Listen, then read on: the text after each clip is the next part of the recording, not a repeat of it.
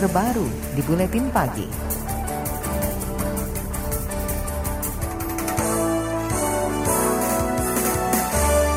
Lembaga Studi dan Advokasi Masyarakat Elsam menemukan adanya potensi pelanggaran hak asasi manusia pada rencana pengembangan Bali baru untuk meningkatkan kunjungan wisatawan ke Indonesia. Menurut peneliti Elsam Lintang Setianti, Potensi itu antara lain terkait perampasan tanah, salah satunya di Danau Toba, Sumatera Utara. Danau Toba salah satu dari 10 destinasi Bali baru yang dicanangkan pemerintah dari aksesibilitas dan amenitas tentu ada potensi pelanggaran hak atas tanah. Banyak sekali masyarakat adat justru kehilangan tanah-tanahnya, terus kemudian juga hak atas lingkungan karena masyarakat tidak pernah diberitahu mengenai kondisi misalnya AMDAL dan juga bagaimana daya dukung lingkungan mereka. Peneliti Elsam Lintang Setianti juga menambahkan, konflik lahan di sekitar Danau Toba terjadi karena status tanah adat yang justru diklaim negara sebagai wilayah kehutanan dan mengabaikan nilai kebudayaan adat setempat. Potensi pelanggaran HAM lain yakni terkait hak bagi anak dan perempuan, hak bagi disabilitas, serta hak atas informasi. Misalnya, pemerintah cenderung mengabaikan keterbukaan informasi terkait pembangunan destinasi Bali baru ini.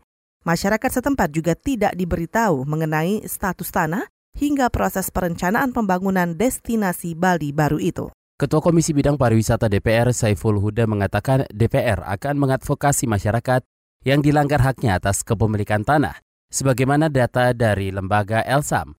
Saiful menilai konflik tanah ini harus diselesaikan dengan komunikasi antara pemerintah dan masyarakat di mediasi DPR dengan seadil-adilnya prinsipnya harus diselesaikan sesuai dengan aturan dan regulasi yang ada. DPR juga tidak setuju kalau ini lalu melanggar HAM dan seterusnya. Jadi itu makanya butuh penanganan secara serius dari semua pihak, baik BPN, baik dengan pihak kementerian, dan pihak pengembang dari destinasi yang sudah ditunjuk oleh uh, pemerintah.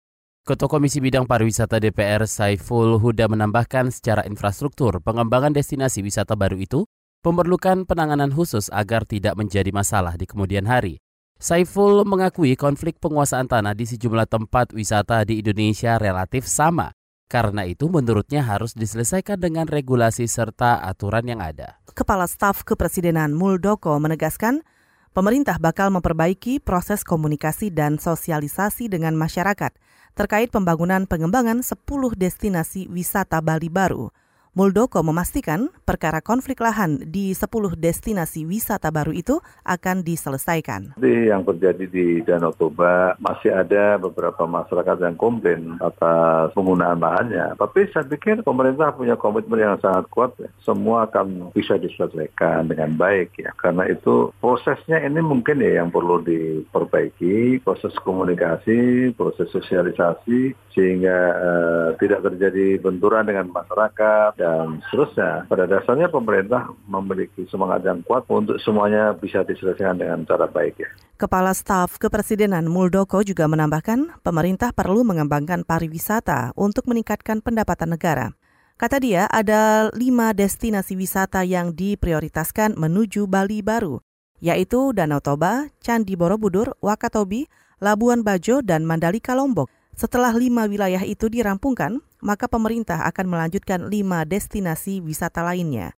Sementara itu, Kementerian Pariwisata belum dapat dikonfirmasi terkait potensi pelanggaran HAM di wilayah yang diproyeksikan sebagai Bali baru itu. Komisi Nasional Hak Asasi Manusia Komnas HAM meminta pemerintah mencegah terjadinya potensi pelanggaran HAM dalam pengembangan objek wisata yang dicanangkan untuk Bali baru.